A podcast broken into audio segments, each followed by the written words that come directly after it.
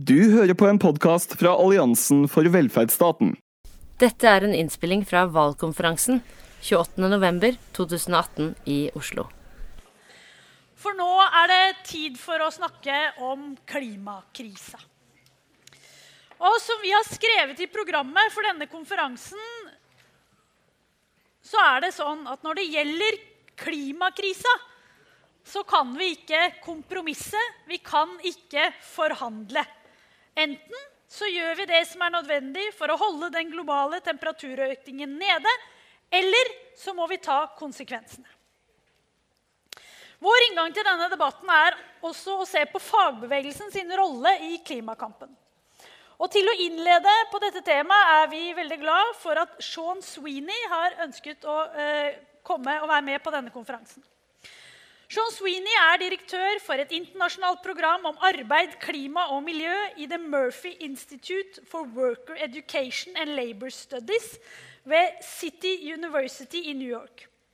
Han er også koordinator for det internasjonale klimanettverket av fagorganisasjoner som heter Trade Unions for Energy, Energy Democracy. Som per i dag består av 60 fagorganisasjoner fra 22 land. Etter John Sweeney sitt innlegg har vi invitert tre viktige stemmer i norsk klimadebatt til å delta i en paneldiskusjon som vil bli ledet av for velferdsstatens spesialrådgiver Helene Bank. But first of all, a very warm welcome to Sean Sweeney. The floor is yours.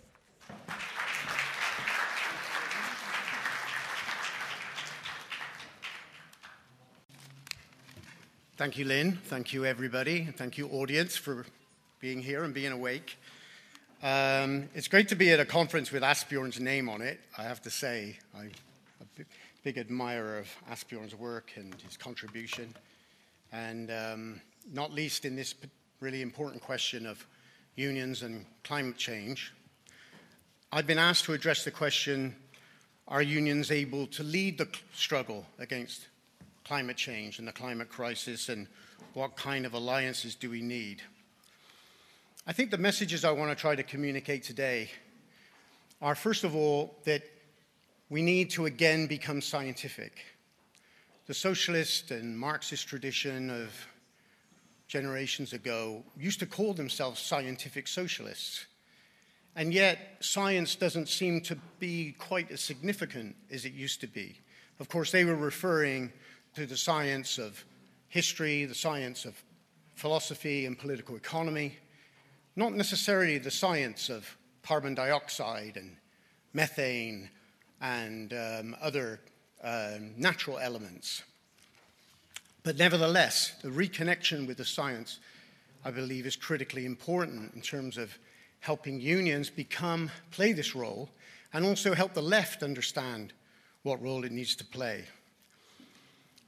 Associated with that, I think, is that we need to be absolutely clear about the failure of the neoliberal project. Sam uh, Gindin earlier said, you know, in many ways they've won. They've got us where they want us divided, fragmented, um, in, demoralized in many instances. I don't necessarily go along with that entirely, and I don't think Sam was suggesting that was the case. But on this issue, they've been a complete failure.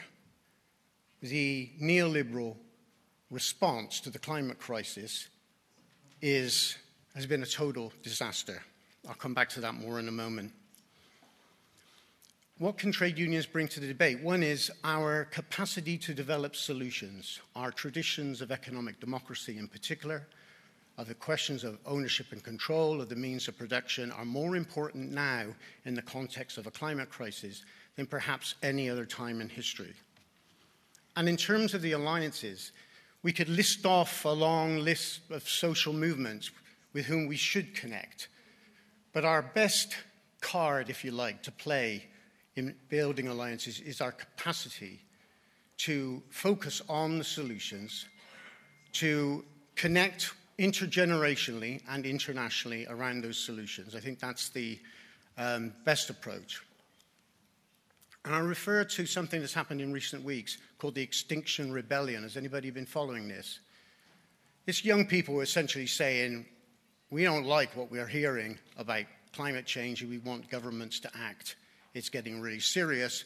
And you guys, you're going to be long out of here, but the younger generation are going to have to put up with these catastrophic events and a planet that becomes unlivable. And so we need a rebellion against that.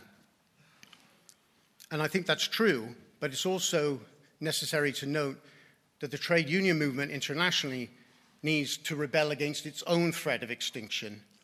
And perhaps there's a way of doing it, uh, or we can do that in a way that does connect with the concerns of young people, in particular around the climate, um, the climate threat. Now, the place to start, though, is with a clear analysis. Uh, this is certainly what I've taken from my socialist education over decades now, is you've got to understand what's really going on. And here, there is a struggle within the global trade union movement in terms of two radically different assessments of the situation. First of all, the science says that and I'm quoting now from the Intergovernmental Panel on Climate Change, which, as many of you know, is the group of scientists that come together and have been together now for 22 years. They analyze the numbers and come out with solutions. Their latest report, they were asked by the United Nations to, um, to assess what it would take or what needs to be done to keep the Earth's temperature within the scientifically agreed uh, temperature threshold of 1.5 degrees Celsius, which many of you will know is the desired threshold articulated in the Paris Climate Agreement that was negotiated three years ago. And their conclusion, this is just a couple of months ago, was that by 2030, emissions have to be cut in half, and that we have to be at net zero emissions. I don't have time to explain what the net is, but I think many of you probably know, by 2050. What does this mean? It would require, says the IPCC, far reaching and unprecedented rapid changes in all aspects of society. So I think the IPCC report makes the case for socialism and socialist planning without a socialist even being in the conversation. Because there, are no, there is no conceivable way these changes are going to be made without a left in power committed to restructuring political economy on the basis of economic planning and needs based politics. There is just no way that that is going to happen based on the market, capitalism, and competition, and the neoliberal model.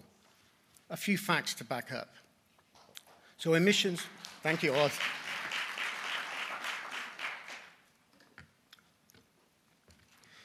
So, we've got this the science is saying we got to go down quickly in terms of emissions. But what is happening?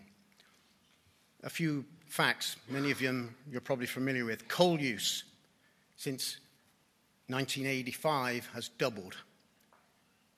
This is a phenomenal fact. Coal is the leading single source of CO2, and power generation is the leading single um, component, if you like, of of uh, uh, emissions.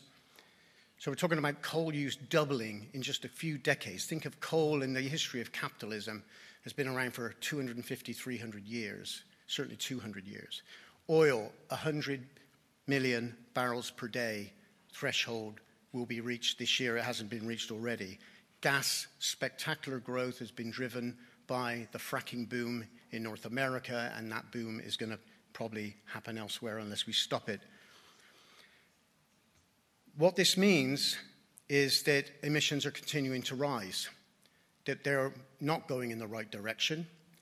And we hear the renewable energy companies and those who talk about green growth say that, well, green growth, that renewable energy investment has gone up 500% in 10 years. Well, that's true, but there are two things to note. One is all the modern renewable energy, if we take hydroelectric power out of the picture and traditional biomass, which is wood essentially, we've got 5% of the world's electricity is produced by wind and solar. And at the levels of investment now, they will not reach much higher by 2030. So, what we're seeing today, and this is where I think the analysis is important, is an expansion of energy, not a transition from fossil fuels to renewables. all forms of energy are on the increase. And that is something, again, that we have to apprehend politically and comprehend. So let me turn now to the question of neoliberal policy and why the failure of neoliberal policy is one of the, along with the scientific reality, is one of the most powerful weapons we have as a movement.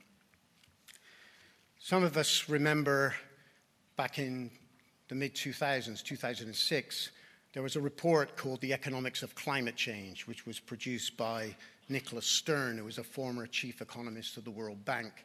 He now heads up a think tank called the New Climate Economy Better Growth, Better Climate. I wouldn't recommend spending your weekends on that website. Um, what he said was, in now an infamous quote, that climate change was the world's biggest ever climate failure. Sorry, biggest ever market failure. Now, what he meant by that was there wasn't an, a, a market for emissions, that polluters were getting away with dumping their pollution, in the case of carbon dioxide, mostly into the atmosphere, which was then absorbed by oceans, and there was no market for it. So, if there, we could create a market for it by pricing the pollution and then having polluters trade amongst themselves, then we would begin to solve the problem because then there would be an incentive to move from high carbon to low carbon economic activity.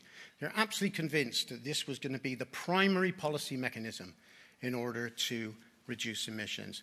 The second mechanism was to mobilize the private sector. Where have we heard this before? that the public sector was basically broke. Thank you very much, neoliberal policymakers. We are broke because you made us broke. The public sector was broke, oh, but the private sector, the institutional investors, were sitting on $90 trillion of capital, just waiting for somewhere to go. Not quite as simple as that, but the, the idea was if we can make them invest, we have to we'll be in business. That and a carbon price. So the carrot was the, was the mobilize the private sector through incentives, policy signals, market signals, and the stick was the carbon price. That was the theory. 12, you couldn't really challenge that 12 years ago. It wasn't easy because the carbon markets had just started in, in Europe and everybody was talking about flexible approaches.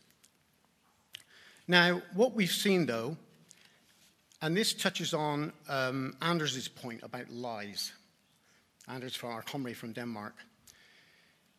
The people are tired of having been told lies, and it's a radicalizing thing these days. Not always to the left, sometimes to the right, of course. We've seen this. But they don't like being lied to.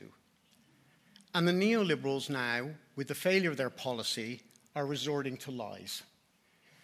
Let's have a look, first of all, at the carbon price. Globally, just 15% of GHGs, greenhouse gas emissions, are subjected to a price. There was supposed to be a global carbon market by now. 15% are covered, 85% are not covered. Of course, they say the 15% is a success, but of course, it's not in the context of the science. Secondly, the average price, or 75% of cases, the price is less than 10 euros a tonne. So it has, according to Nick Stern himself, absolutely minimal effect on investment decisions, and therefore these prices are not really affecting emissions reductions. So this is a monumental failure of policy. Emissions continue to go up. And we should be calling this what it is, and that is it's the greatest policy failure ever. Yes, climate change is the greatest market failure ever, this is their response has been the greatest policy failure ever. So, how does this play out in terms of union politics? Unfortunately, the green growth agenda of people like Nick Stern and the World Bank, the IMF, was embraced by the International Labour Organization and most of the global trade union movement leaders, particularly in Europe, where the idea was to position Europe as an engine of green growth that would show the world which way to go and the union goals was to say this underscores the need for social dialogue, for robust negotiation between the social partners. And you can't do this transition without us, the working class, with the workers. So B, respect the Treaty of Rome. Let's get it back around the table and start to reposition Europe as a leader of the world in terms of green growth. So, green growth was to basically a reboot operation for social dialogue that was largely on life support and remains on life support in most of Europe today.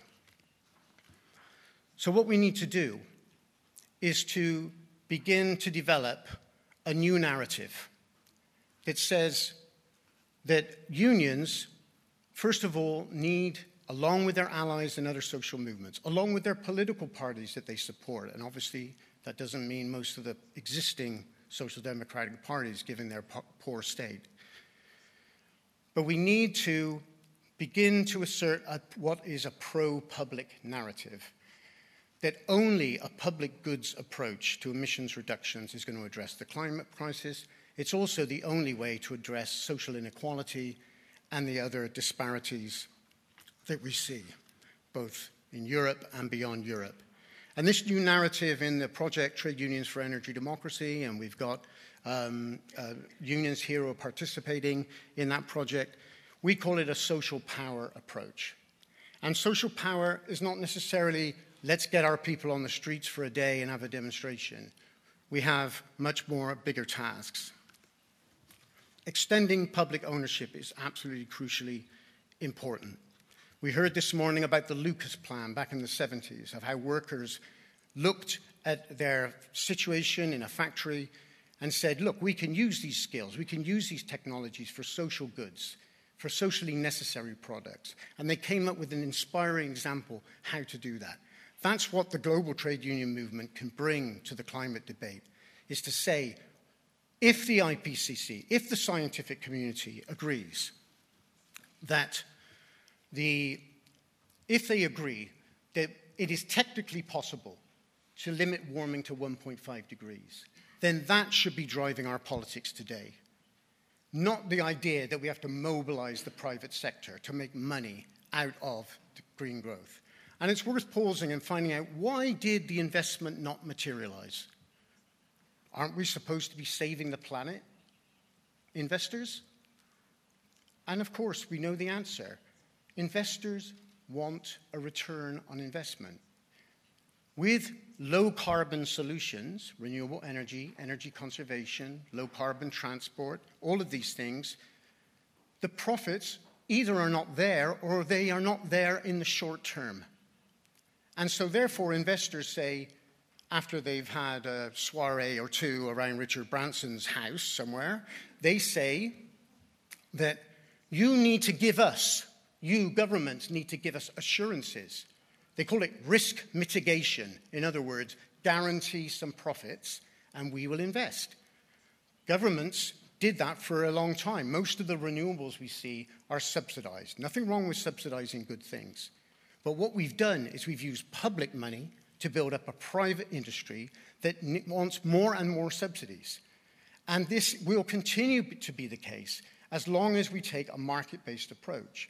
We should say the future of human civilization should not depend on whether electricity is 7 cents a kilowatt hour or 9 cents a kilowatt hour. The competition between renewables, coal, gas, and nuclear is an enforced chaos that we need to end immediately if we are going to reach these targets that the scientific community says are necessary. Now, this new narrative I applaud the International Transport Workers Federation, particularly Asbjorn's role inside that organization, for putting forward a whole economy approach to reducing emissions in transport. That work inspired the formation of Trade Unions for Energy Democracy, which is about putting the facts in place on how we take energy systems back, how we restructure them, democratize them, and bring renewables up to scale under public ownership. What will public ownership achieve? Believe it or not, it will be faster in terms of reaching the levels of deployment we need. It will be less expensive because public sector can borrow more uh, less expensively than private sector actors.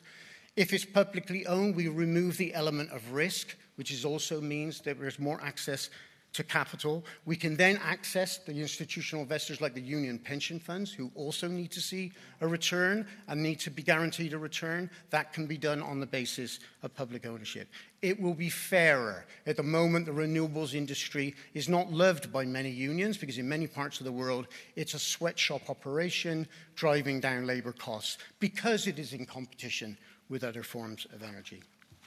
So I'll have a few more minutes, I believe, just three or four. I'm not sure where I am with time. Yep, thank you. So, this new narrative, we have to fight for it. It's beginning to happen. We see unions increasingly around the world are not just opposing privatization, they've done that from, for the last 30 years, but they're now beginning to assert the need to take key sectors back into public ownership.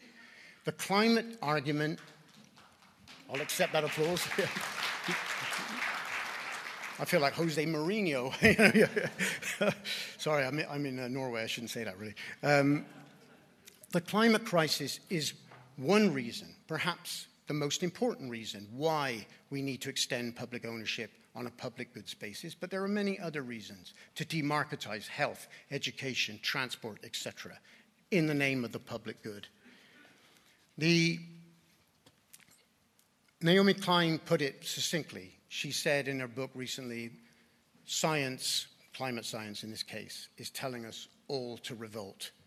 This is not the time for small steps.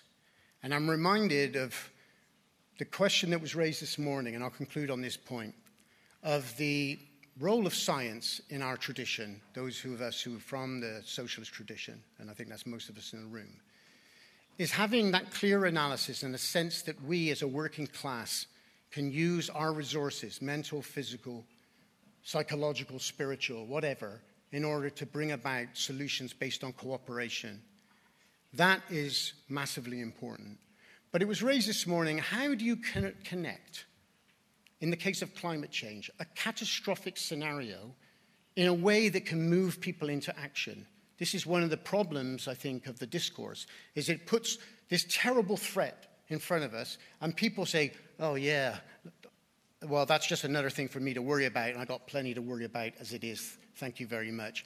And yes, I am concerned about my kids, but at the moment, I don't think I can get to the end of the week putting food on the table.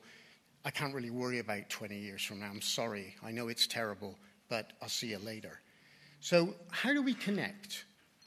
The scientific reality to the lead to organize. Young people get it because they know they're going to be around when this goes pear shaped. And I was thinking about Copernicus and the whole argument with the church, the Catholic Church and the Protestant Church, actually, when he, he discovered, of course, that the earth was not the center of the universe and that the earth actually circled the sun. Now, if that news got out, would it have affected the lives of peasants and ordinary people? Would it have changed the seasons? Would it have done anything to change their day to day life? And the answer, of course, is no. But what it did was it completely undercut the power of the elites of the time and exposed them to be anti scientific, it exposed them to be liars, and it exposed them to being holding back the true potential of the human species. So I think climate science is not something to be afraid of. For the trade union movement and all social movements across the left, it is a chance to liberate ourselves from the dogma of neoliberal faux science as far as economics is concerned, and to return to our traditions of social ownership, public control, economic democracy. And the more work we do on that in a programmatic sense, to be lay out in clear detail what we're going to do when we have power, and I'll conclude by saying on a Jeremy Corbyn note.